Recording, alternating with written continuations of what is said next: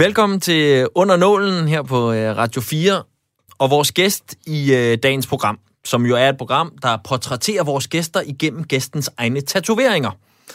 Og gæsten i dag fik sin øh, første tatovering som øh, 18-årig, og siden da så er det gået ret stærkt. Øh, I dag har hun ikke helt styr på, hvor mange hun har, men så mange, at hun tæller i, hvor stor en procentdel af hendes krop, der er tatoveret. Og PT anslår hun, at det drejer sig om cirka 50 procent af alt hendes hud, som altså lige nu er øh, fyldt med, øh, med blæk. Olivia Salo, velkommen i øh, studiet. Jo, tusind tak. Og velkommen til øh, Under Nålen. Øh, lad os starte med bare hoppe ud i din første tatovering. Min første tatovering var nok... Øh, jeg, havde, jeg har, har ville tatoveringer i rigtig, rigtig lang tid. Øhm, men havde samtidig også den her rebelske, men alligevel respektfuld forhold til mine forældre om, at sådan, jeg skulle lige være fyldt 18 år gammel. Øhm, og jeg er udvekslingsstudent i USA på det her tidspunkt, og kommer gående ned af Venice Beach, og falder for turistfælden og ser et kæmpe skilt, hvor der står tattoo på, og så går jeg ind og tænker, okay, nu skal, det, nu skal vi bare gøre det. Øhm, så jeg har fået lavet sådan en lille geometrisk hjerte på bagsiden af min, øh, min ene arm, hvor at, øh, jeg selvfølgelig lige skulle fedte mig ind på min meget konservative far. Øhm, så selvfølgelig har jeg skrevet far ind i det. Okay, så du tænker, jeg går både for langt her i forhold til, hvad mine forældre vil, men måske jeg kan redde den ved at ja, ja. dedikere den til farmand. Selvfølgelig. Altså, jeg føler, at hvis man, øh, man, man skal lave noget, noget, noget ballade, så må man også godt have en lille bittes respektfuld tanke i det. Så det vælger jeg at gøre. Lad os dykke ned i den, øh, den første der, lige efter vi måske sætter nogle flere ord på dig, mm-hmm. fordi der er måske nogen, der tænker, Olivia Salo, hvem er hun? Hvad er hun for en størrelse? Jamen, så kan jeg jo sige, øh, i sådan den større sammenhæng dukkede du op på, på mediescenen i medielandskabet i forbindelse med Love Island, mm-hmm. øh, hvor du kærestede med en fyr, der hed, øh, ja, det hedder han jo stadigvæk, Joachim. ja. øhm, så har du siden øh, sprunget videre som influencer og blogger. Du har over 100.000 followers på øh, Instagram. Øh, du har din egen podcast nu, ansigt til ansigt, som mm. øh, Ture og jeg faktisk uafhængigt af hinanden havde gået og lyttet til ej, det er jeg mega glad for, for at høre. For, for lige at finde ud af, hvad var du for en størrelse? Mm. Og, og det er jo sådan et program, hvor der er, det er sådan en, en, sige, en god kvindesnak. Det er meget girl talk. Ja, ja. Øh, men du ved om veninder og kærlighed og parforhold. Øh, og Sex. Sex. Masser af sex. Masser af sex, ja. Og der synes jeg jo, at, at, men til gengæld er det jo, det kan måske det er der, hurtigt lyde som om... sådan lidt boneret, ikke? Ja. ja, men, men det synes jeg faktisk, det vil jeg lige starte med at dig for, at jeg synes faktisk, du er jo enormt god til at tage den snak naturligt. Altså det bliver aldrig, som det tit gør, når nogen skal, uanset om det er mm. mænd eller kvinder, skal snakke sex, så bliver det med sådan lidt fjol på af en eller anden årsag. Men det synes jeg aldrig, det gør, hvilket jeg også tror jeg, derfor jeg synes, det egentlig var ret, ret at Ej, det er jeg mega glad for at høre. Men det er også øh, for at få en lille baggrund, så jeg kommer fra en, en enormt sådan frisindet øh, mor, som har lært mig, at øh, vi skal skulle snakke om vores kroppe og sex, som vi har lyst til, hvilket gør jeg enormt bramfri. Øhm, og øh, da jeg var med i Love Island i sin tid, der mm. var jeg meget hurtig til at sige, at øh, jeg havde et stort sex drive, øh, og det blev udskammet enormt meget, når man var kvinde. Okay. Og derfor så øh, har jeg ligesom brugt mit talerør til at skulle, skulle snakke meget åbent om sex, og også alt det usexede om sex, og, og alle de her aspekter, som kan ligge inden omkring sex. Jamen, det bliver forhåbentlig lidt sexet i løbet af den næste lille times tid. Øh, Om ikke andet, så står du for det, Tony. Det ved jeg.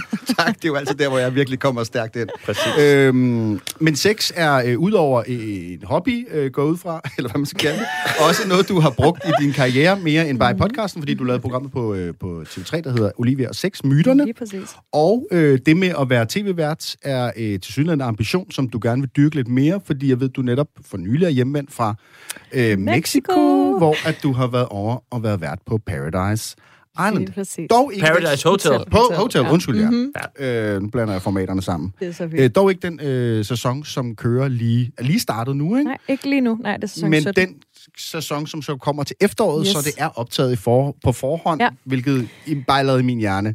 Er lidt mærkeligt, ikke? Er det... Prøv at tænke engang, hvor mange ting jeg ved, som ikke engang er blevet sendt endnu, vel?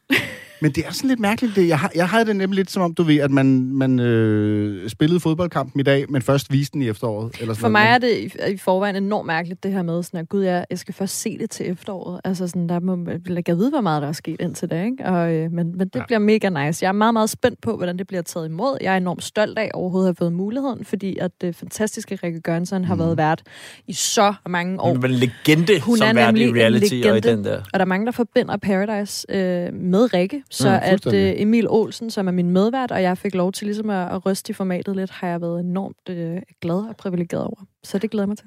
Fedt. Vi kan se allerede, hvad der kommer ud af det om seks måneder. Øhm, Nå, øh, men, men hvornår starter din fascination for tatoveringer?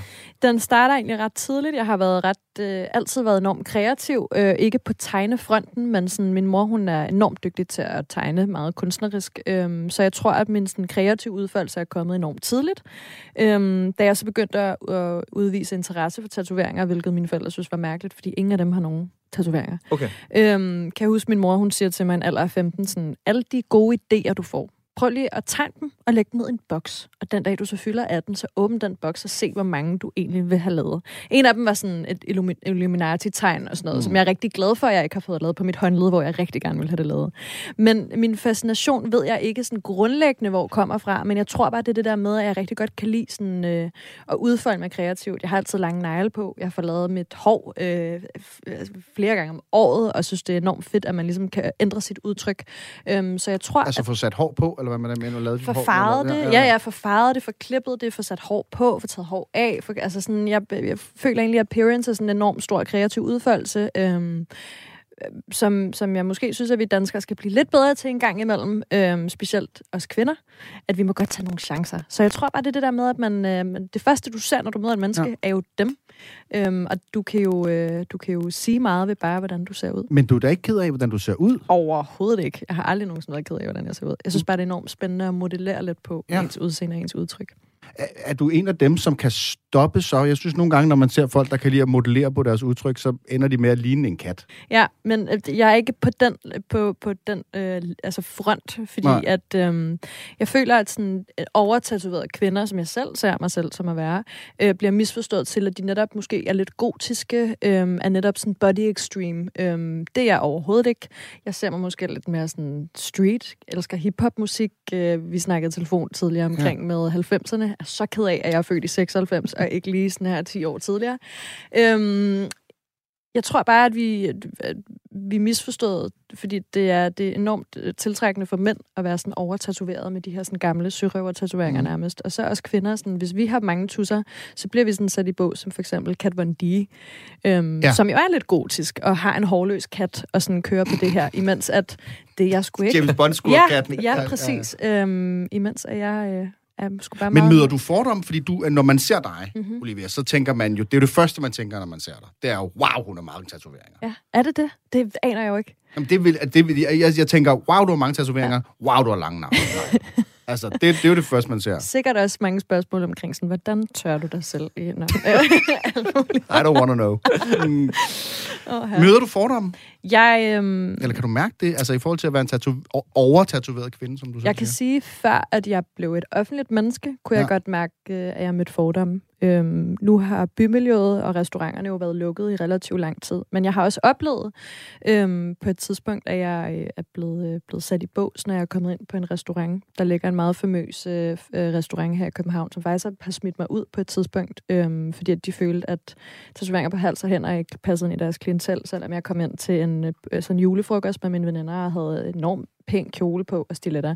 Det er første gang, jeg sådan der, har prøvet, hvor det Uden faktisk... du var flabet. Ja, ja, jeg satte mig ned og skulle bestille en drink, og så fik jeg pænt at vide, at det gik altså mod deres policy, og det er jo også, øh, Ej, hvor vildt. det er jo også fair. Men øhm, det er faktisk første eneste gang, jeg har sådan Hvad tænkte du egentlig? Hvad skete der inde i hovedet på dig? Forstod, nu tror jeg nogle gange, når man bliver udsat på sådan nogle fordomme, så tror jeg selv, at min hjerne vil være sådan lidt, at jeg vil være sådan lidt langsom i opfattelsen. At Jamen, det sådan lidt, hvad for noget? Jeg Skal er jeg gå? Hvorfor? Med hvad? Jamen, jeg Altså, hvad? altså, et kæmpe stort spørgsmålstegn, fordi jeg ikke rigtig forstod det. Jeg sagde, jeg skal lige vide, har jeg gjort noget galt, siden Mm. mm. jeg ikke må være her?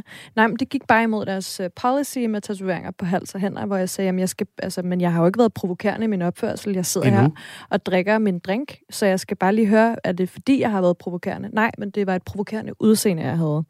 Øhm, og jeg har tatoveret roser på min hals, øh, Mm. og jeg føler ikke, at altså, havde skrevet 666 i panden, havde det været, nok været noget andet. Mm. I min opfattelse, Ja. men øh, der måtte jeg stille og roligt også bare respektere. Jeg er meget, øh, altså, jeg er ikke særlig aggressiv eller sådan øh, konfliktoptagende. Øh, optagende. øhm, så jeg valgte bare at, at gå min vej, og så havde jeg en meget, øh, har en veninde, der sådan der, er 61 høj og blond, men er en lille bulldog, så hun prøvede ligesom at skulle, skulle give et ordentligt, øh, hvad hedder det, skidepald til ham her, men der valgte jeg bare at sige, så må vi bare tage vores penge et andet sted hen. Det skal ikke være vores penge. Nej. Ja, sådan er det. Ja. Men okay. hvad så, da du kom hjem til far med den første tatovering, mm. og det var et hjerte, Ja. og det var far. Var, Mhm. der så, var det så instinktiv tilgivelse, eller var det Nej, det var, jeg tror, på hovedet, eller hvad blev du mødt af? Mine forældre ved sgu godt, at sådan, jeg gør præcis, hvad jeg har lyst til. Mm. Så, men, men jeg tror, at de samtidig synes, det var lidt sjovt, at, øh, at jeg lige kom hjem med sådan en lille fitte overraskelse i, i sådan det der rebelske. Men jeg var jo 18, når jeg var myndig, og det var også deres svar på det der. Så gik der nogle år, hvor at min mor var sådan, hvornår kommer jeg på din krop? Hvorfor er det din far, der Ja. har fået første ret? Og ikke engang, jeg har ikke engang fået anden ret. Altså sådan, og så var det jo også for noget for hende lidt senere. Hvad så nu, hvor du kommer hjem til nævren, Mm. Hvor du kommer fra, og, Jeps. og sætter dig ind, og du, altså, når jeg kigger på dig, så er du, som du også siger, 50% tatoveret, og det er meget af det, jeg kan se. Ja. Dine arme nu her, og din hals og sådan noget, du ved. Synes de stadigvæk bare, at det er hyggeligt, eller synes de, det er over the top? Mine forældre øh, har lært, at det er spændende. Ja. Øhm, jeg har unge forældre, mine de er i starten af 50'erne begge to, og jeg, øh, det er blevet sådan en ting med, nu når jeg kommer hjem, så er det sådan, gud, har du fået nogle nye? Mm. Vis os det. Om jeg så os lige, og bla bla bla. Øh, det er kommet ud til det punkt, at min far har været sådan, han sagde det på en meget dramatisk måde til min bror, og jeg er sådan, jeg har besluttet mig for, at jeg skal tage med i graven, og vi stod og kiggede på ham, og sådan sådan, jamen, jeg vil have en tatovering med jer. Ah. Så han er kommet ud på det punkt nu. Okay, Min mor har også snakket om det, og sådan, om vi skulle have en sammen. Så jeg tror måske, jeg har rykket dem lidt. Ja. Øhm, men jeg synes bare, de, jeg tror, de synes, det er spændende, og de forsvarer mig også meget over for deres, øh, deres jævnaldrende, øh, hvis de ligesom har nogle, nogle, nogle kommentarer. Der har de været rigtig gode til at forsvare mig. Jeg tror, de synes, det er spændende. Og da du forlavede den der som 18-årig, Mm. hvad havde du allerede der en forestilling af, at, det ville, at du skulle have så mange, som du har nu her 6-7 år senere? Nej. Hvad, hvad tror du, hvad, Plan- havde, hvad var Nej. planen dengang? Planen var, øhm, at det skulle være lidt på gefylen, men jeg havde ikke tænkt, at jeg her i en alder af 24 skulle sidde med to sleeves, øhm, en hel ryg, øhm, halvdelen af min, min, min torso, og faktisk øh, altså, det ene halvdelen af mit ene ben. Øh, Det var ikke det, jeg tænkte. Jeg har for det første altid haft en opfattelse af, at jeg skulle aldrig have på mine ben. Okay. Mm. Aldrig. Øhm, fordi at bare ben på en kvinde, når hun kom gående i sin stiletter, var det mest feminin og sexet. Nu sidder jeg her med en kobra op ad bagsiden af mit ben. Altså ja. fra, fra kildescenen op til min røvballe. Så den er jeg ligesom også gået lidt imod. Du må lige hive op i det mindste nede ved anklen, Yes! så vi kan se, hvor slangen Den her- starter. Jamen, den starter hele vejen. Når det starter nede, under, Ja, ja, ja. nede i... Øh, Så halen er nede ved traineren. akilleshælen. og så sidder kobrahovedet under min bælle. og det er kun på bagsiden af... Ja, så man kan slet ikke se det på Okay. okay. forsiden. Ja. Øhm, så jeg bider jo mig selv lidt i tungen, når jeg jo godt ved af mine grænser. Man har jo et standpunkt, indtil det bliver ændret. Ja. Og er der noget i forhold til hele det der, altså det vi stødte på før, øhm, at nogen går til tatoveringer, fordi de er utilfredse med deres krop og gerne vil lave om på den, for ligesom at tage noget mere ejerskab på den. Men det var ikke sådan noget, der var intention for dig. Det har mere bare været hele tiden at få den gjort smukkere, end du synes, den allerede var i forvejen. Lige præcis. Der har, jeg har øh, heldigvis måske nok en af de få, desværre, som øh, altid har været enormt tilfreds med min krop. Altså, der er ikke noget, jeg vil ændre på. Øh, det er der heller ikke nu. Men jeg kan mærke, at jeg synes, det er enormt spændende, det her med at udsmykke den. Ja. Øhm, og jeg kan også se på forskellige sådan, af mine tatoveringer, at de er blevet lavet øhm, på forskellige tidspunkter i mit liv. Og, og, og, og jeg er bare gået til det i sådan udsmykningsformat. Jeg går heller ikke med særlig mange smykker. Øhm, et af jeg er redselslagende for nåle. Meget ironisk. Men piercinger, det er, er jeg for helt, øh, begynder helt at svede bare ved at tænke over det. Øhm, og så har jeg udsmykket min krop ved blæk. Så øh, jeg har jo ikke nogen ringe på. Jeg har et lille armbånd, men Mm. mm. det er det. Er det. Øhm, og så ikke nogen halskælder eller noget, eller noget, fordi jeg ligesom har den her konstante øh, pynt på min egen krop. Men uh, tænker du over din krop? Der var sådan et legetøj, da man var barn, mm. hvor Mhm. den røde ramme, og så var der sådan to hvide håndtag, og så drejede man på dem, og så Mhm. lavede det en streg derinde, Ja. og så kunne man ryste den, og så kunne man tegne forfra, Mhm. ikke? Kan I huske det? Ja. Tænker på, fordi nu har du fået laseret en hel masse væk, for at få det tusset igen. Mm. Mm. Altså tænker du så sådan lidt, gud, hvis jeg bliver træt af kobraen, jeg vil hellere have en leopard med, eller et, et, et, et, et du ved, et, et citat, eller Ja. noget andet. Mm. Altså tænker du så bare, "Jamen, så får jeg det bare fjernet, og så får jeg bare lavet noget nyt? Nu har jeg jo øhm, fået laseret hele øh, min, det er min venstre overarm, mm. og det har jeg udelukkende, fordi at udførselen af arbejdet var dårligt. Det handler ikke om motivet. Jeg kom med noget, og så var det en forkert tatovør, der lavede det. Så jeg har fundet ud af løbende sådan, udførselen. Du skal også gå til de rigtige tatovører, at i stedet for at gå ind til den første og den bedste, så faktisk lige sådan her udforske lidt din egen scene omkring sådan, der er måske nogen, der er bedre til grafiske ting, end og der er nogen, der er bedre til old school. Øhm, så det var udelukkende af udførselen, altså fordi jeg ville stadig gerne have på hele overarmen. Øhm, og jeg kunne bare se, at jeg havde været så ked af, at den, sådan, hver gang jeg havde den fremme, det er sådan gammel, øh, sådan noget geometrisk, det lignede nærmest en spindelvæv, mm. men på en meget øh, akavet måde, og der var mange, der sådan heller ikke rigtig forstod, hvad det var.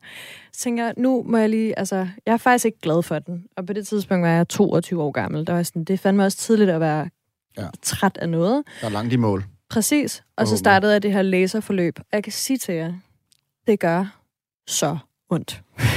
ja. Det kan ikke beskrives, hvor ondt det gør. Altså sådan, fordi din hud bliver jo ætset, og så mm. får de jo den her blære, og jamen, det er forfærdeligt. Og nu når jeg har prøvet det, så er jeg sådan, jeg tænker mig lige den der ekstra gang om. Ja, okay. Den, bare den der lille bitte ekstra sekund, det lægger jeg lige i mine overvejelser, når jeg skal have min tusser. Så du, for at svare på Tonys spørgsmål, du har ikke tænkt dig bare sådan til en dag, jeg får lige laseret det hele nej, væk. Nej, det er det, tror, der er planen. Jeg tror, det var, øh, det var sådan, jeg tror, det var Pete, Pete Diddy eller sådan noget der stil, der sådan besluttede sig for at bare få laseret hele sin krop, og så sådan få lavet noget helt nyt. Jeg kommer ikke derud. Øhm, den der lasermaskine. Pete Diddy, han er hårdere end de fleste. ja, han altså. Men det er en god tommelfingerregel. Lad være med at gå der, hvor Pete Diddy har ja, gået. lad være med at gøre det, Bare gør. gå den anden vej, ja, så. så nej, det er, det er ikke det, min tanke er. Jeg synes, der er en rigtig fin historie med, at man også kan se forskellige sådan, motiver og forskellige sådan, faser, jeg har været i mit, mit liv. Altså, mm. Hvor jeg måske har været lidt mere sådan lidt mere håbløs teenager til øh, en god brændert, og til sådan, nå, det gav bare mening på det tidspunkt. Ja, fordi hvis vi skal tage en af dem, som så symboliserer, øh, måske før, at du har fået laser, og før mm-hmm. du har mhm. begyndt at tænke helt vildt meget over det, ja. så øh, ved jeg, at der er en af dem, der kom på en date. Ja, yes. Øhm, det Hvor er super. vi så henne på kroppen? Vi er på mit håndled, og når, når jeg siger håndled, øh, sjovt nok, min tanke var, det er der ikke nogen, der ser. Nej. Det var et diskret sted. Øhm, indikerer nok også, hvor mange øl jeg havde drukket den her aften. Men jeg er på første date med en fyr, som jeg øh, en måned, altså jeg er håbløs romantisk i ham, eller hvad hedder det, forelsket i ham efterfølgende. Øhm, men vi på allerførste date, der øh, får vi drukket en masse øl, og da klokken bliver en 3-4 tiden om morgenen, så bilder han mig ind, at han er sindssygt dygtig til at tatovere, og han har sin egen tatoveringsmaskine, og jeg tænker, helt sikkert. Mm-hmm. Øhm, han får så udpenslet et kors på mit håndled. Jeg er ateist. Altså, så hvorfor overhovedet jeg skulle have et kors på mit håndled, er enormt mærkeligt. ja. øhm, og så går han i gang, og han er simpelthen så dårlig til det her. Altså, han er skrald elendig til at tatovere. Øhm, han får den lavet færdig, og så går der en måned, hvor vi dater enormt intensivt, og han dropper mig så, og så kan jeg bare kigge på mit håndled og tænke... Fed fyr. Ja. Fed fyr, bare skamferer ja. nogle kvinde, for bare at droppe For at knuse hendes hjerte. så drop hende. What a guy. Nu skal vi huske, det er Olivias øh, side af sagen, vi får her. ja. Jeg må lige tage den stakkels fyr i forsvar. Hun er, hun er altså rigtig god til at vælge sit dates. Mm. Nå, shit. Åh, her, øhm, som jeg så får dækket øhm, hurtigt efterfølgende af en af mine tatovører. Og da jeg kommer ned, øhm, det er en shop, der hedder Black Atlas, der ligger herinde øhm, på, ja, hen i midten af byen. Øhm, der kommer jeg gående og siger, vi griner det en gang. Og så snakker vi ikke mere om det, fordi nu skal den bare dækkes. Og så ja. skulle de alle sammen kigge på den og grine rigtig meget over, hvor skrællet den var, og så blev den meget pænt dækket. Og, ja. og at, at, det siger jo noget om dig. Altså, du, du virker så... Du er virkelig impulsiv. Meget. Ja. Meget. Jeg er impulsiv på, øh, på bestemte ting. Jeg er ikke følelsesmæssigt impulsiv. Hvordan, sådan, hvordan kan man skille det ad? Øhm, jeg føler, når du er følelsesmæssigt impulsiv, kan du en gang imellem øh, være rigtig dårlig til at skildre imellem øh, øh, altså, logik og, og ren og skær sådan fornuft mm. på en eller anden måde. Altså, hvis du bare springer ud i ting, fordi det, det, det er en impuls på dine følelser, kan du en gang imellem øh, såre rigtig mange mennesker. Øhm, jeg er måske rigtig impulsiv på oplevelser. Ja. På, øh, ja, på, på, øh, jeg, kan, jeg refererer tit til, at mit liv er en bog, hvor jeg skriver nye kapitler øh, konstant. Øhm, og der, alt, hvad jeg har gjort, har ligesom skabt mig som menneske. Så derfor er jeg meget impulsiv på oplevelser. Øhm, det har altid været på rejser. Det har altid været på øhm, kærlighedsforhold. Altså, jeg springer i med begge ben mm. og prøver at leve det bedste i det. Øhm, og det er jeg så også en gang imellem på tatoveringer. Okay. Mm-hmm. Jeg kunne godt tænke mig, nu Tony, du har beskrevet det lidt, men ja, hvis vi lige bare bruger øh, et minuts penge på, at du bare selv, Olivia, laver en lyngennemgang af din krop og hvad du har fået tatoveret. Yes. Bare sådan, så lytterne lige kan få en idé om, hvad det ja, er, det er vi har med at gøre. Øh, hals har jeg to bunderoser, øh, symmetrisk på hver side. Så har jeg øh, noget noget mønster øhm, på midten af min hals, der går ned i noget andet mønster på min brystkasse. Øhm, på min venstre arm har jeg en food dog, som er sådan en japansk øh, løvehund. Man kender den måske fra Mulan. Øh, mange flere bunderoser, en æderkop, noget spindelvæv, noget pigtråd, en skorpion og en rose. Ned over hånden. Yes, ned Ja, over hånden. helt ud på fingrene. Præcis. Højre arm, øh, kæmpestor slange, og så har jeg øh, noget, der står too much, og et spørgsmålstegn. Because it's too much ever enough. Øh, en palme, øh, en meget, meget smuk øh, kvinde, der rider på en drage, øh, som jeg har fået lavet i Japan, faktisk. Ja. Og noget Picasso, øh, en veninde fuldemandstatovering, et par bryster på håndledet, Yep. øh, en fisk med en blomst ud af munden, noget mere mønster, der hænger sammen til det, jeg har på min brystkasse. Ja, Yes. ned over hånden. Ned over hånden, en slange på hånden mere, øh, flere øh, hvad hedder det, blomster, og så mit øh, fødeår, som er 1996 på mine fingre. På, øh, hvad hedder det, under brystet har jeg et øh, rødt S, der står for Salo, som er mit øh, mellemnavn. Så står der Angel og Devil på begge sider. Jeg aner ikke, hvorfor. Det lød fedt. En kæmpe, kæmpe bunderos på maven også. Som jo er virkelig stor. Den og den kan jeg love jer for. Alle, der lytter med, der ikke har fået tatoveringer. Okay. Maven er det værste sted at blive tatoveret. Punktum. Period. Så har du kunne mærke den der, skulle jeg helt til at sige. Yes. Den fylder Altså, det hele var- ja. ned omkring navlen, Er og også næsten helt op til... Jeg vil rigtig gerne have under navlen også. Øhm, Jeg har længe gået og tænkt på, at jeg skal have sådan en Medusas hoved, men af ren og skær skræk af, hvor ondt det kommer til at gøre. Så har jeg bare udskudt det rigtig Under navlen? Ja. Altså, Altså nede i skridtet? så... så Nå, i- ja, ja, på det her stykke. Okay, yes. Ja, ja, Ja, præcis. Altså slangerne op her i siden, der er gjort plads til det. Hold. der er gjort plads. På øh, højre øh, side har jeg en drage. Er højre side af låret, eller højre Højre, ben? Ja. øh, ja, så hof, hofte. Mhm. Øhm, på venstre side, hoften, symmetrisk har jeg en fisk. Begge to i japansk, i japansk stil. Mm. Øhm, på højre balle, nu skal jeg lige tænke mig om. På højre balle har jeg to engle, sådan nogle cupids.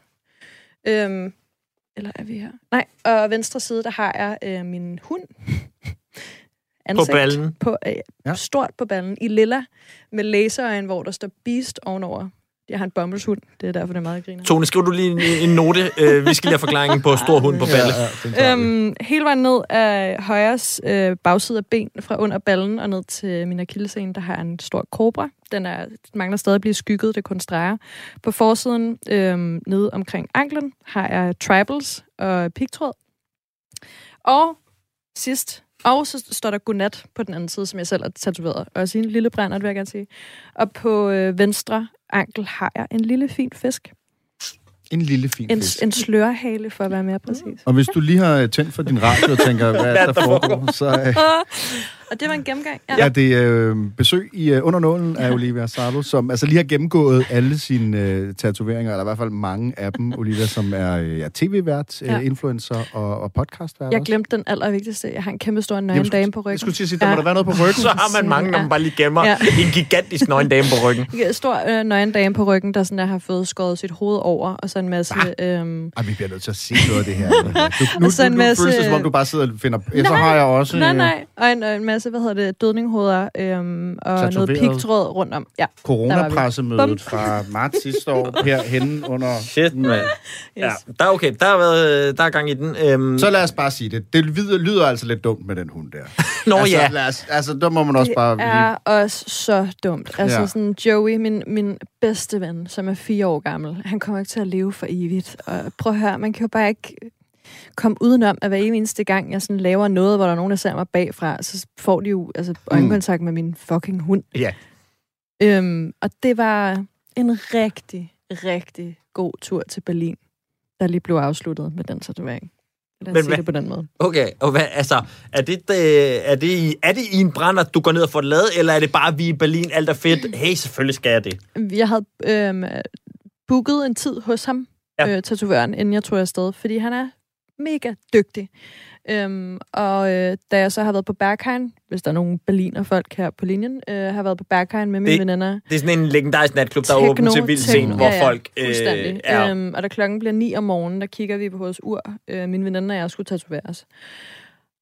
Og sådan, gud, vi skal da tatovere som seks timer. Der er ingen af os, der har fundet ud af, hvad vi skal have lavet endnu. Og så sidder vi i sådan Lad os kollek- aflyse. kollek- Siger der sådan en fornuftig stemme, der siger, Nej. lad os da Nej. aflyse det. Det Den virker fornuftige åndssvagt. stemme var sådan her, hvad skal vi have lavet? Og vi blev bare enige om, at at få lavet min hund med, med laserøjen, hvor der står bedst, altså Ja. beast ovenover, det er verdens Det- det- bedste Det er idé. en no-brainer. Så det sker, og den sidder lige på røvballen. Og er i, Lilla, Jeg skulle, til, at- og i størrelse? stor. Godt. jeg skulle til at sige, Nå, hvad siger Joey til det? Men sådan er det jo også tit. En god beslutning kommer sjældent alene, som man siger. Og her er jo i det her tilfælde sådan en helt snekuls... Øh, Det var en lavine. Ja, lavine er gode beslutninger. Ja, Hvad fik veninden lavet? Hun fik lavet Rihanna. Med, Altså- med en tribal rundt om hende. Mm. Nå, et, et billede af Ja, Rihanna? ja, af Rihanna. Øh, Ja, med en okay. tribal rundt Den er også god, den der Umbrella-sang. Ja, den er god. Og Så så, altså, en, er øh, god. så sådan en, en, øh, Så har jeg måske en med en orange umbrella. flamme om, om sin tommelfinger. Nej, hvor er det. Det var genialt. Og han røg simpelthen så mange joints. Og jeg tror, vi var der i hvert fald i ni timer. Og det, det skulle max have taget tre. Altså, og vi rullede på gulvet til sidst, fordi vi var så utålmodige. Men det var skide hyggeligt. Olivia, du må jo være... Altså, en, en ting er det der med brænder og fjol og sådan noget, men du må jo være helt sindssygt modig. Eller, øh, eller pisse ligeglad med, hvad folk synes. Noget, som jeg typisk bliver mødt med, er, at jeg ikke giver en fuck. Mm. Øhm, og det synes jeg er, er faktisk en, en forkert fortolkning, fordi jeg giver enormt mange fucks, fordi jeg er et empatisk menneske. Øhm, men jeg øh, tænker sgu på mig selv, før jeg tænker på andre. Og hvis jeg skal tænke på mit eget udseende, hvorfor i alverden skulle jeg tage folks fordomme eller, eller sådan samfundsnummer øh, før min egen tilfredshed. Så jeg tror egentlig bare, jeg gør mig selv glad først, før jeg gør andre glade. Jo, men jeg, jeg kan jo nogle gange blive sådan helt nervøs ved at tage en t-shirt på, øh, der har, du ved, eller en trøje, eller sådan noget, tænker jeg slet, ah, den er måske også lige en farve, der er lidt for dristig, Okay. eller... Jeg kan også se, at du kører i de meget stærke farver i dag. Ja, jeg, er ikke særlig- kører- jeg er lidt diskret i dag. Jeg er ellers faktisk tit, kan, kan jeg godt finde på at tage en farve på. Det jeg godt Vi sige er, til vi er, to, vi er to hvide mænd med sorte t-shirts på i studiet i dag. Der er en Bordeaux-sko her. Jeg har en Bordeaux-sko på. Ja.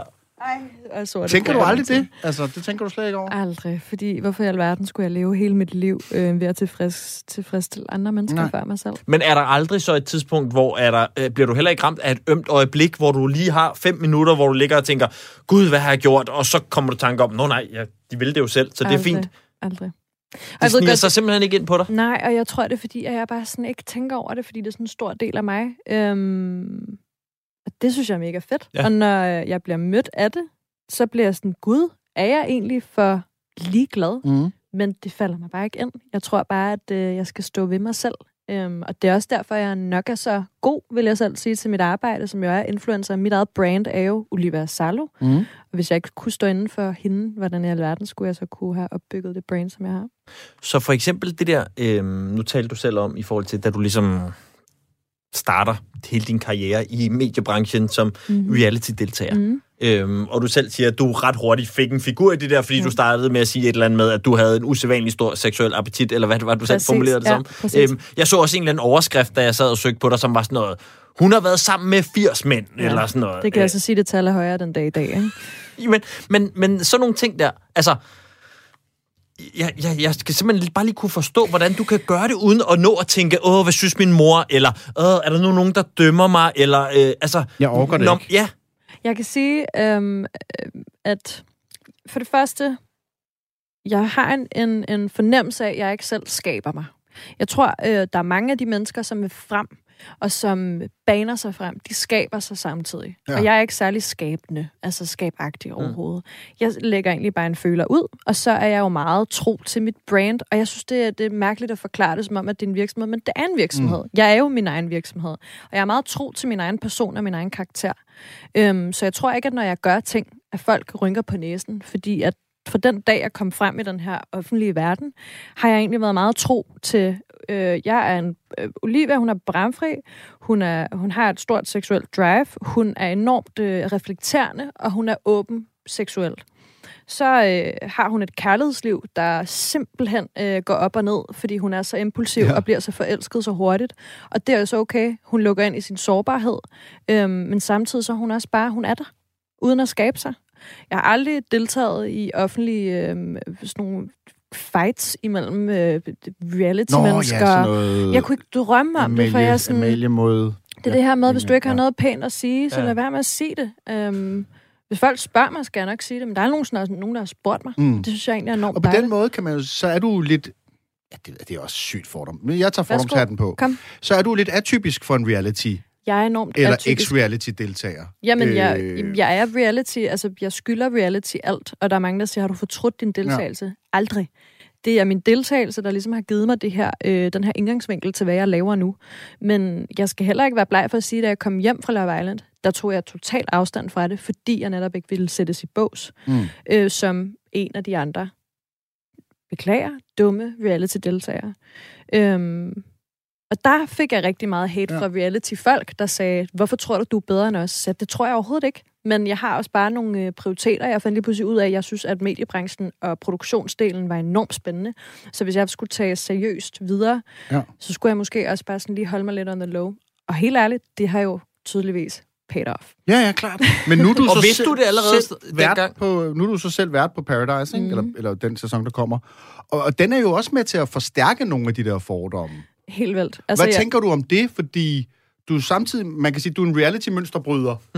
men du er jeg også... det? Jamen, det, det, det tænker jeg, hvis du, at du på en, på en måde er, at du bryder nogle af de fordomme ned, man måtte have om en sådan arketypisk reality, knaldperlen, eller hvad fanden ved jeg. Det er jeg ikke? enormt glad for at høre. Øh, så du ved, så, men hvad tænker du om, hvor reality så er henne, i forhold til, at du også selv jo er, nu er vært på det? Jeg elsker reality, Ja. øhm, og har altid gjort det, fordi det er pisse underholdende, og det, er, det ved de folk, der bliver, der er mange, der bliver typecastet jo også. Øhm, jeg sagde jo nej mange gange, før jeg ligesom endte med at være med i Love Island, og det er fordi en af mine øh, veninders kærester var caster på programmet, øhm, og hans mission var jo ligesom også, at sådan, om jeg kunne blive typecastet som noget helt andet, end hvad der var blevet set før. Og jeg endte med at sige ja, fordi mange af mine tanker op til var sådan her, men er jeg, jeg er jo ikke reality-deltager. Mm. Øhm, nu er jeg blevet sat i den bås, og i stedet for at have den, ja. Så elsker jeg den faktisk, fordi det, det, jeg er nødt til at se, se, altså, erkende, at det er jo det, der har gjort, at jeg har den karriere, som jeg har med i dag. Så du er ikke bange for, at, fordi det er jo noget af det, du snakker en del om i nogle af dine podcast, det her med at gerne vil være med til at nedbryde nogle stereotyper og sådan Mm. noget, at noget af det, du så selv kommer med til at bidrage i ved at være vært, at det er med til at opbygge nogle stereotyper. Egentlig ikke. Jeg synes, øhm, hvis man kigger på, øhm, hvordan Emil, som er min medvært, Emil Olsen, og jeg, vi ligesom er blevet kastet til vores nye værtsroller, vi ryster jo seriøst posen Mm. mm. så meget på udseende. Emil øh, er enormt dygtig make-up-artist, øhm, og der er måske også mange, der kunne, kunne øh, øh, hvad hedder det, tro, at han ikke er en mand engang imellem, fordi han, han er så smuk og feminin i sit udtryk. Øhm, og han kalder sig selv en make-up-glad bøsse, og jeg elsker det. Jeg er sådan her, you go. Og så er der mig, der er tusset fra top til tå. Og vi kommer fra Rikke Gørensson, som seriøst er The Girl Mm. Next Door, som Mm. alle bare har forelsket sig i. Og jeg synes, det er så fedt, at TV3 og Nemt øhm, at ryste den her pose, og så ligesom være sådan, her nu smider vi to mennesker ind, som seriøst bare kunne skabe enormt meget øh, stir i, i, i mediebranchen. Og øh, det kommer der nok også til, når vores sæson ja. kommer ud. Og allerede nu, man kan jo se meget på X-Factor, har lige kørt, øh, at øh, internetmobning har virkelig været oppe, fordi folk, de her Facebook-krigere, oh, yeah. er så tavlige. Mm-hmm. Øhm, så jeg glæder mig enormt meget. Jeg er også lidt skræmt, men jeg er ikke, jeg er ikke så, altså jeg tager ikke så ting så personligt. Når folk Det gemmer, skal man sig, heller ikke. Altså, folk gemmer sig bag en skærm, så det er sådan, man skal fight the good fight, men man bliver også nødt til ligesom at... præcis. Så det tager jeg ikke så personligt, men jeg glæder mig enormt meget til at se, hvordan folk ligesom kommer til at reagere på to øh, lidt mere sådan øh, vi- vilde mennesker. Jeg synes også, vi skal nå... Øh, nu startede vi med farmand. Ja. Vi må også lige nå tatoveringen til, øh, til Mutti, til mor. Ja, ja, min kære mor. Hvad er det for en? Men var det så lige efter, hun pladet sig til den, eller kommer den senere i forløbet? Den kommer eller? lidt senere. Jeg kan huske, hun ringer til mig. Min mor hun er fra Finland, så siger hun sådan, hvad har, hvad har du gjort, der gør, at øh, du skal sige undskyld til mig? Så er jeg sådan, hvad mener du? Jamen, øh, hvad fedt er du for? Ingenting, mor. Altså, jeg tænkte bare, at nu, ja, skulle hun være der. så den? Ja, ja, okay. Øhm, jeg har et N på min lillefinger. Min mor hedder Nina, Mm. mm. så Mm. den står for Nina. Og så er min mor fra Finland, som sagt, og på finsk hedder mor Eidi. Så jeg har fået lavet det finske A, som er et A med to prikker over. Ah. Øhm, og det er hende, der ligesom sidder på, øh, på min arm. På Og min det hånd. der finske, fylder mm-hmm. det noget i dig, og hvem du er? Jeg hedder Salo. Salo er, øh, er mit... Jeg hedder jo helt borgerligt Olivia Jorklej Salo Kær. Øhm, men jeg føler, at det her Salo godt måtte få lidt mere, øh, lidt mere rung. Øhm, min mor, hele hendes familie er i Finland, og øh, Ja, det, det fylder lidt. Jeg tror, det har fyldt med i min barndom, men jeg tager stadig op i vores sommerhus hver sommer, og, øh, og elsker den finske natur og kultur. Jeg synes, det er en stor del af mig. Mhm. Rigtig stor del af mig. Mm, sjovt. Og hvad er, det, hvad er det i det der finske, der ligesom er i forhold til kulturen og menneskerne? og sådan noget? Fordi netop apropos fordommen, så i Danmark, der finder jo sådan nogle knivfinder, ikke? som øh, var sådan nogle stive sømænd, der kom til Danmark og altid havde, havde knive på sig. Altså, der er i hvert fald sådan her sauna og vodka. Ja. Okay. Og Sauna, de pisker lidt hinanden med de her kviste, imens de er i sauna, hvor jeg sådan, det er sgu nok meget rigtigt. Altså sådan, min mor har virkelig fundet sit andet hjem i Danmark, øhm, og øh, hun har altid sagt, at, at det var som om, det var det helt rigtige, hun skulle til Danmark. Men øhm, den her sauna-kultur har jeg taget med. Øh, min mor, hun er rigtig god til at lave finske øh, hofretter til jul og sådan noget. Hun vil gerne ligesom øh, gøre det til en del af vores liv. Hun øhm, har altid snakket finsk til min bror og jeg, så vi også kunne kommunikere med, øh, med, med vores familie der. Så det er bare sådan en... Ja, det er en del af mig. Så har jeg min, øh, min pære danske far, og så min, øh, min fuldblodsfinske mor, ikke? Altså sådan, jeg kunne faktisk ikke blive mere arisk. på et eller andet punkt. Og hvad med øh, altså dine, øh, dine tatoveringsregler, som jeg så kan forstå langsomt er i opløsning? Ja. Altså, du ved, det der med, at øh, du startede med i hvert fald ikke på benene. Præcis. Øh, og nu er der i hvert fald en kæmpe slange blandt andet på, øh, på benet. Er der nogle nye regler, du, du også du har på fingrene, og du har på, øh, på halsen? Mm. Har du nogle tommelfingerregler omkring dig selv og dine næste kommende tatoveringer, sådan som det er lige nu? Ikke i ansigtet. Okay. Ikke i ansigtet. Og det, det, det har jeg egentlig haft af, øh, af tanker siden den dag, jeg begyndte at blive tatoveret. Og det har aldrig nogensinde rykket noget i mig. Jeg tænker, at det skal du virkelig lave et statement. Øhm, det er så fantastisk, når folk gør det, fordi jeg tror også, der er mange, der gør, bare gør det for kunstnerisk øhm, syn, men lige så vel som jeg har ændret formen på min øjenbryn fem gange inden på de sidste fem år, så tænker jeg også, at sådan ansigtet kunne godt bare blive holdt bart, faktisk. Og når vi laver afsnit øh, 700, og du er kommer ind igen om tre år, Og har skrevet sådan her. Nej. no regrets henover Ja. dig. Er du, er du, se- tror du, du kommer til at holde den, eller kunne det godt være en ting, der... Nej, det, det er jeg rimelig sikker på, Okay. at den holder jeg. Jeg føler, at... Øhm, ja, ja, det ved jeg sgu ikke. Det er bare ikke noget for mig. Kan Nej. vi sige det på den måde? I hvert fald ikke indtil videre. Fra hjertet øh, og far, som var den første tatovering, mm-hmm. øh, til den, øh, den tatoverede kvinde, der sidder foran os i, i dag. Kan vi ikke øh, kan vi spole tilbage og så ligesom sige, Nå, men der får du så den første, det har du gået og glædet dig til, Mm. at du bliver 18, Ja. og, og det skal ske. Og selvom det er impulsivt, så ved jeg, at det er noget, som du havde tænkt ville komme, Ja. øh, lige snart du var myndig og havde Mhm. lov til det. Øh, og hvad, hvad, er så, hvad, hvad er den næste tatovering, du får så? Skal jeg lige tænke mig om. Jeg tror, at det er øh, det her lille Picasso, som jeg har her. Øhm, det er to øh, mennesker. Det er en firkant på min underarm øhm, med to mennesker, og symbolikken bag det er, at de kysser, og det er så lidenskabeligt, at de ligesom sammensmelter. Øhm, det er jeg faktisk ret sikker på, er min nummer to. Og hvad fortæller det? Altså, hvad, hvad, hvorfor synes valgte du det? det er var- ret smukt. Jeg synes bare, det var pænt. Ja. Helt ærligt. Men to mennesker, der kysser og smelter sammen. Jeg tror, det er sådan en leds- lidenskabsting. Ja. Øhm, jeg er håbløs romantiker og meget lidenskabelig. Øhm, det kan jeg virkelig ikke løbe fra. Så jeg tror, at øhm, jeg faldt bare lidt for det her pladeromantiske symbolik i det. Og hvordan kommer det til udtryk, at du er... Du har sagt det flere gange, at du er en håbløs romantiker. Det kommer ikke til udtryk sådan her på min krops og Nej. min kropsudsmykning, men hvis vi skal kigge i min datinghistorik, så okay. Er det der, det kommer til udtryk. Hvordan? Men du forelsker dig simpelthen i folk lynhurtigt, eller hvad? Og Det gør jeg bare. Jeg synes bare, at kærlighed er fantastisk. altså, det er det jo. Wow. Min største drøm er at Ja. blive gift. Og have sådan... Mit bryllup skal være fem dage, og alle skal være der, og øh, se mig. Altså, hokus pokus og lige fokus. Og sådan kommer det Hvad, til. Olivia, prøv lige, hvad er drømmen? Altså, er det, er det den, den romantiske drøm om den evige kærlighed, eller er det, Spørg- eller er det den bramfri reality-deltager, som æder mænd op, øh, du ved, en efter en? Eller... Tror du, jeg gør det? Nej, men du... Nej, men... Oh, nej, det gør det slet ikke. jo, men det gør du jo.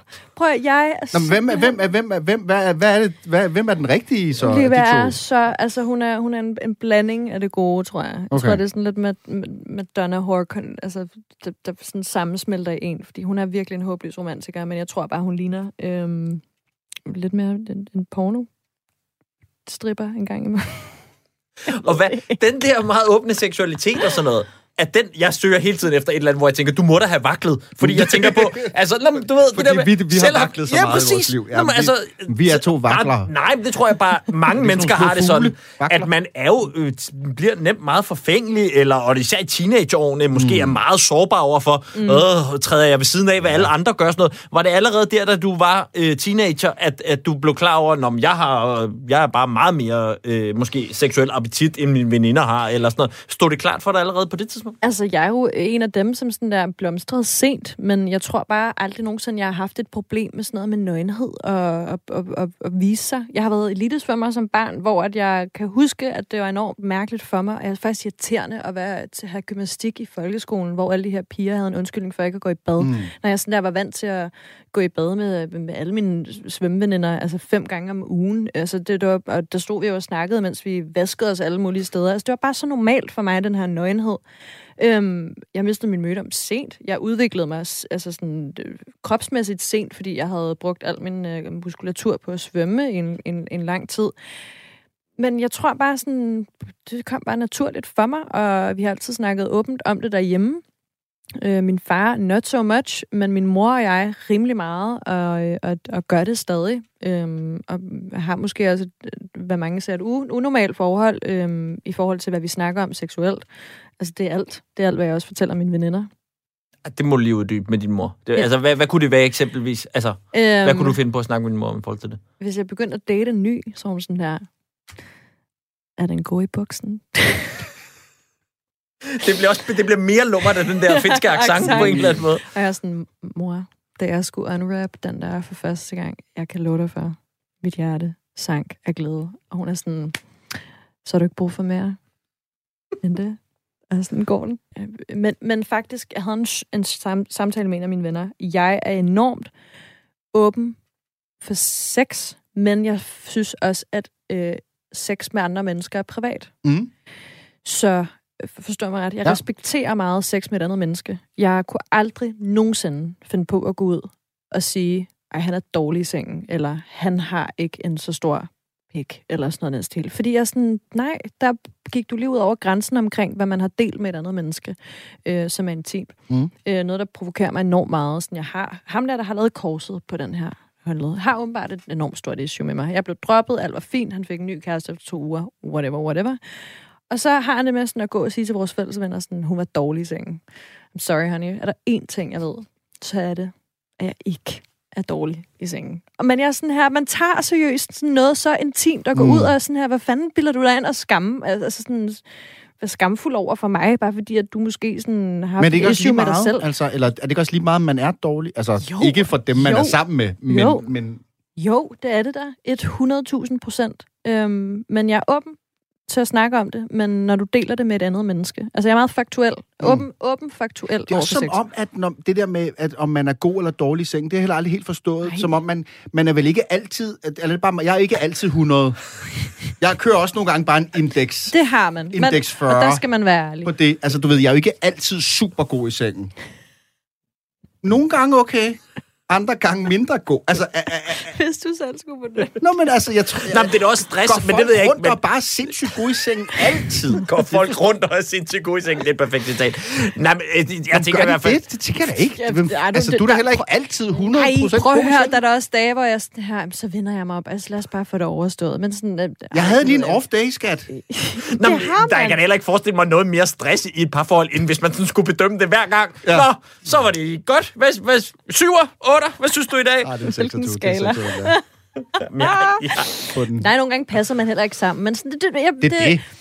Det er sex- faktisk en god pointe. Ja, nogle gange... Altså, det Alle er de gange, jeg har faktisk været dårlig, så bliver jeg ikke... til alle jer derude, hvor jeg har været dårlig. Jeg var jo dårlig. Det I ikke passede med Public, mig. public service, det er faktisk vores begge Okay, skyld. jeg prøver en sidste gang herover fra psykologen. Det er mit sidste krampagtige Okay. forsøg Du på er- ligesom at sige, okay, der har Beklager. ikke været noget med, med krops, der har ikke Nej. været noget med det der sex, der har presset dig. Hvornår har du, Olivia, været i din største krise i dit liv? Øhm, d- øh, da jeg var kampdeprimeret over, hvilken uddannelsesretning jeg skulle tage. Mit, øh, det er mit gymnasie. Det var engang identitetskrise, men det var sådan her, hvilken boks passer jeg ind i. Jeg har taget, gået på fire forskellige gymnasier og, øh, over fire år, og to Ja. forskellige uddannelser. Og endte så endelig med at få min studenterhue på med nød og næppe og åndet lettet ud. Har aldrig brugt den til noget siden. Men det er faktisk der, jeg har haft den største Hvorfor krise. betød det noget for dig at få den så, tror du? Det er sådan noget akademiker pisse, som ens forældre har trukket ned over ens hoved. Sorry to say. Men mm. øh, hvis du har din gymnasielle, så kan du i det mindste altid... Den kan de jeg har aldrig ikke, tage fra jeg, dig. har ikke, jeg har ikke brugt den til en skid. Den kan de aldrig tage fra dig. har man Øhm, hørt mange Ja, gange, jeg. præcis. Øhm, og det, det, jeg, det var godt, jeg gjorde det, fordi at så fik jeg også lige fire år, hvor jeg fik lov til at forme mig lidt mere som menneske. Jeg var jo ikke klar til at gå ud i verden som 15-årig. Øhm, jeg har været jeg er født i december, så jeg har altid været sådan den yngste i min Mm. årgang. Ikke? Øhm, Ah, skytte. Ja, skytten. Det forklarer en del. Styr dig selv. det var, jeg selv er skytte. jeg ved Hvornår? Hvornår? Jeg er øh, 28. Nej, november. 14. december. Ja. Okay, men hvad, Olivia, da det så er mest lort, Ja. altså da det ikke er, nu har jeg fået den hue, eller sådan, men da det var lort, og det var en krise for Mhm. dig, hvordan var det da? Altså, hvad, hvad var det, der trykkede på dine knapper, og hvordan havde du det på det? Jeg føler ikke, at jeg passede ind øh, lige pludselig, øhm, og jeg har lidt passet ind, men jeg har været rigtig god til bare at være sådan her, nå, det, det må jeg bare leve med, at jeg ikke passer ind. Men lige der, hvor jeg var sådan, kan det virkelig passe, at noget, som er så nemt, burde være så nemt, som at vælge en uddannelse og ligesom tage en gymnasial uddannelse, lige pludselig er så mega svært for mig, fordi jeg er ikke dum. Øhm, jeg har altid klaret mig rigtig godt i folkeskolen, men lige pludselig, da man skulle være sådan her, er det en STX, er det en HX, er det Næstved Gymnasie, er det Sorø Akademi, er det Niels Brock? Vi var rigtig mange steder. Øhm, Slet ikke at finde ud af, hvor fanden man passede ind. Det var virkelig hårdt for mig at komme ud af det, og det er også det, der har dannet mig allermest. Øhm, men da jeg lige pludselig fandt ud af, hvordan det er at have det hårdt over en, øhm, en krise om, hvordan man passede ind i sådan samfundsboksen, så gik det også op for mig, sådan, hvor hårdt rigtig mange mennesker har det, når de har det svært med sig selv som menneske. Øhm, der er enormt privilegeret, det har jeg åbenbart ikke haft, men øhm, det var hårdt dengang, synes jeg. Hvad vil du så sige til dig selv, hvis du kunne?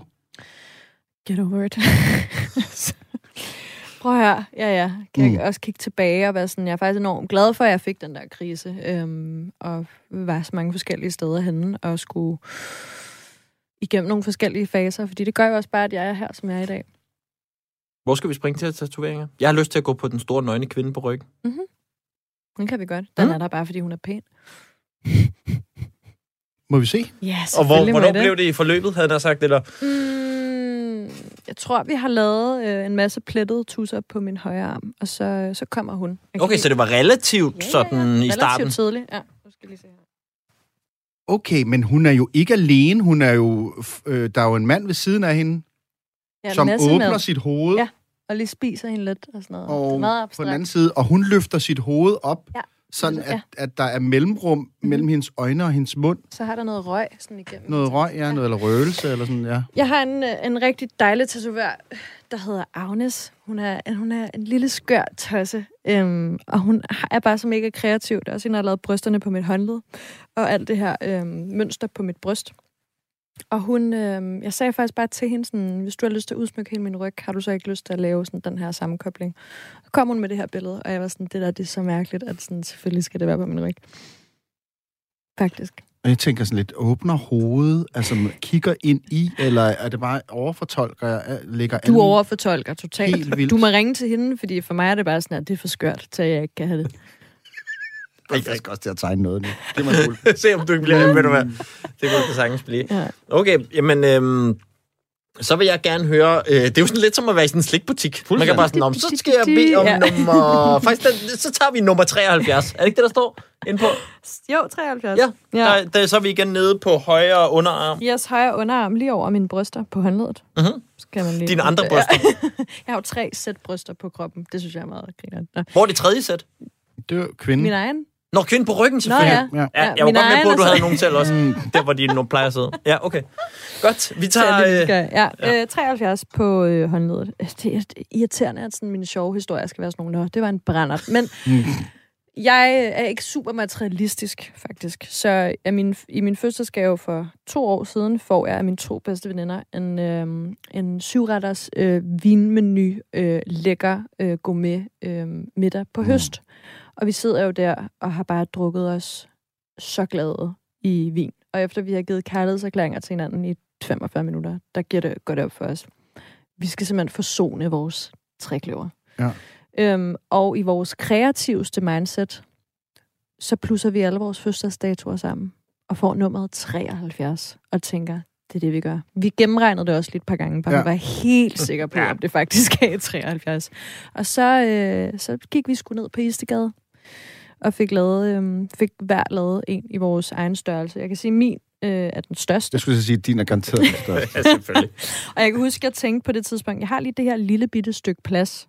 Og da jeg vågner morgen efter, tænker jeg, at det var ikke så lille. Altså, det det er jo ikke, jeg tror, den er 5 cm høj. Ja. Eller sådan noget af den stil. Øh, men de andre, det er jo sådan en lille, lille nulle, der sidder på bagsiden et eller andet sted. Ikke? Ja.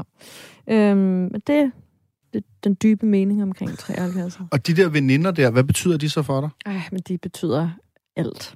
Øhm, det gør de. Det er dem, der kender mig allerbedst. Jeg har ikke været i længere et forhold. Øhm, Udover min... Jeg tror faktisk, de kender mig også bedre, end min, min familie gør på mange aspekter. Så derfor så... Og jeg er stadig veninder med dem den dag i dag. Det er heldigt. Det er godt.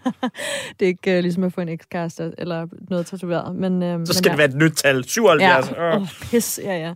Ej, så den er, den, er, den er fin, og den er mærkelig. Altså, den er bare lavet i et rigtig godt øjeblik. Og tænker du så på dem, hver gang du kigger på den? Jeg, Eller, altså, eller jeg får jo ikke synes, eller det det, det er jo ikke, fordi jeg får når jeg kigger ned af min krop, hvis jeg skulle få sådan- 73. Ja, præcis. Nej, det er sgu ikke det, jeg lige, uh, lige tænker sådan dybere over. Men det, det jeg, jeg synes, den er meget fin. Og spørg, folk spørger mig ind til det, så mm. Jeg sådan, jamen, det er jo faktisk bare for mine to bedste veninder og jeg.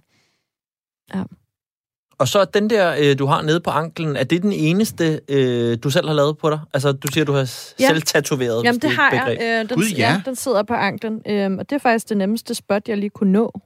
Ja. Det er rigtigt, fordi Ja. man kan lægge benet op, og så ja, kan man præcis, lige... så hvis man selv er, jeg, ja, som er ja, og gammel og den forkalket, ud. kan- Præcis. kan- Øhm, og det, der står godnat. Meget, meget poetisk. Øh, men jeg kan huske, at jeg sidder øh, og tænker, hvad er et ligegyldigt ord?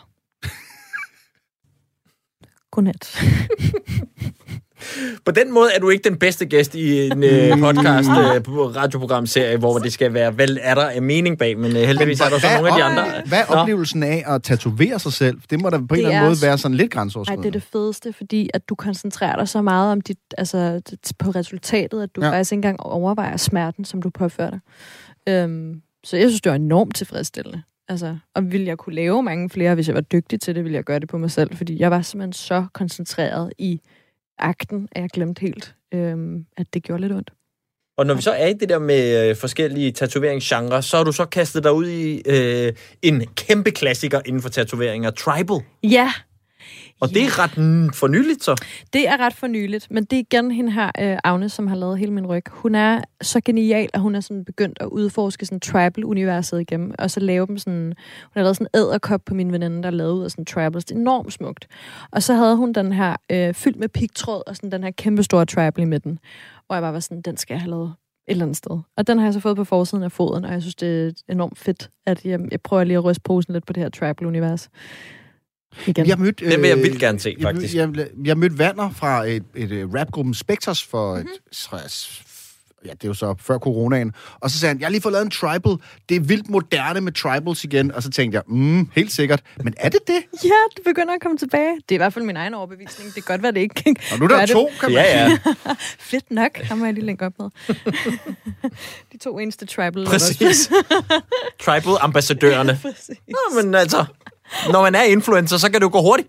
Ikke? Du skal tænke på, du, kan, skulle du kan råbe det alt det, du vil. altså. Hvis folk, har, hvis folk om et halvt år bare begynder at få tribal, så tager jeg altså noget af æren fra det. Det synes vil jeg, det er ro- med ro, du kan gøre. Mhm, præcis. Men sådan et spørgsmål som too much, mm. når du får tatoveret det her på armen.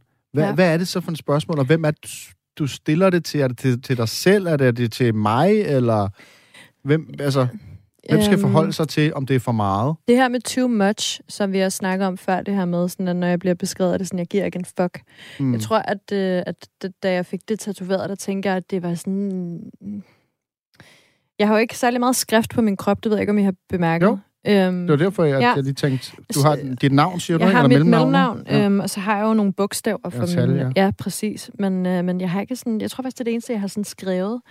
Øhm, og jeg fandt bare ud af, at det var en rimelig god sætning, der måske ville sådan... Eller et spørgsmål, der ville beskrive mig. Sådan der, is it too much? Det, det kan man selv dømme. Ja. Og det er på alle aspekter og alle mennesker.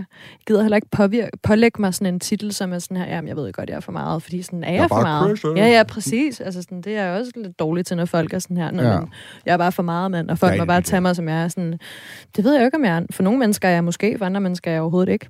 Altså, det er... Og på den måde lyder det jo ikke som om, dine tatoveringer betyder alt for dig i livet. Mm-hmm. Det er ikke det, der er dit projekt her på Altså, den- jorden. den det er ikke hobby. det vigtigste. Ja, en Og bliver hobby. du så ikke øh, bekymret, eller kan du ikke blive bekymret for, at fordi, som vi også snakker om, at det kommer til at fylde så meget for dem, du møder, fordi det er så meget ved første øjekast, at så noget som, hvad kan man sige, er en hobby, lige pludselig bliver det, alle forbinder dig med. Kan det, Det- ikke være irriterende, eller... Nej, fordi igen, som vi også snakker om det her med, at jeg jo ligesom er mit eget brand, og selvfølgelig skal, skal jeg så måske også sættes i den bog, så kategoriseres en gang imellem.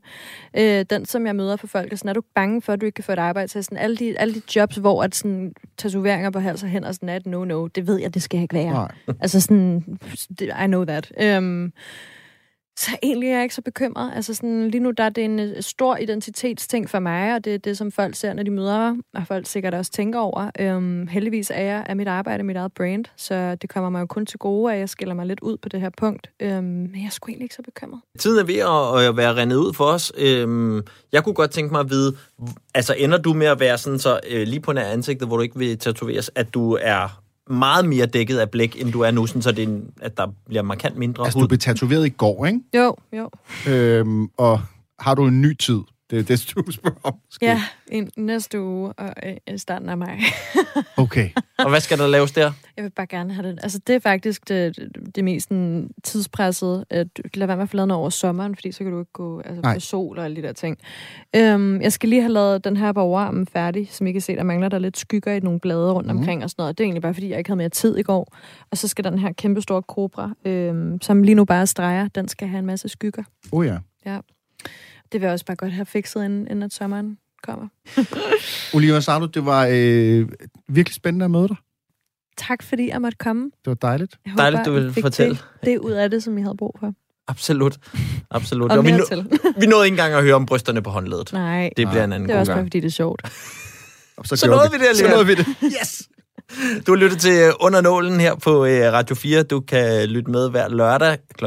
10, øh, og derudover så kan du selvfølgelig også bare finde os der, hvor du finder din podcast. Vi er tilbage igen med en ny gæst og et nyt afsnit i næste uge. Vi lyttes ved.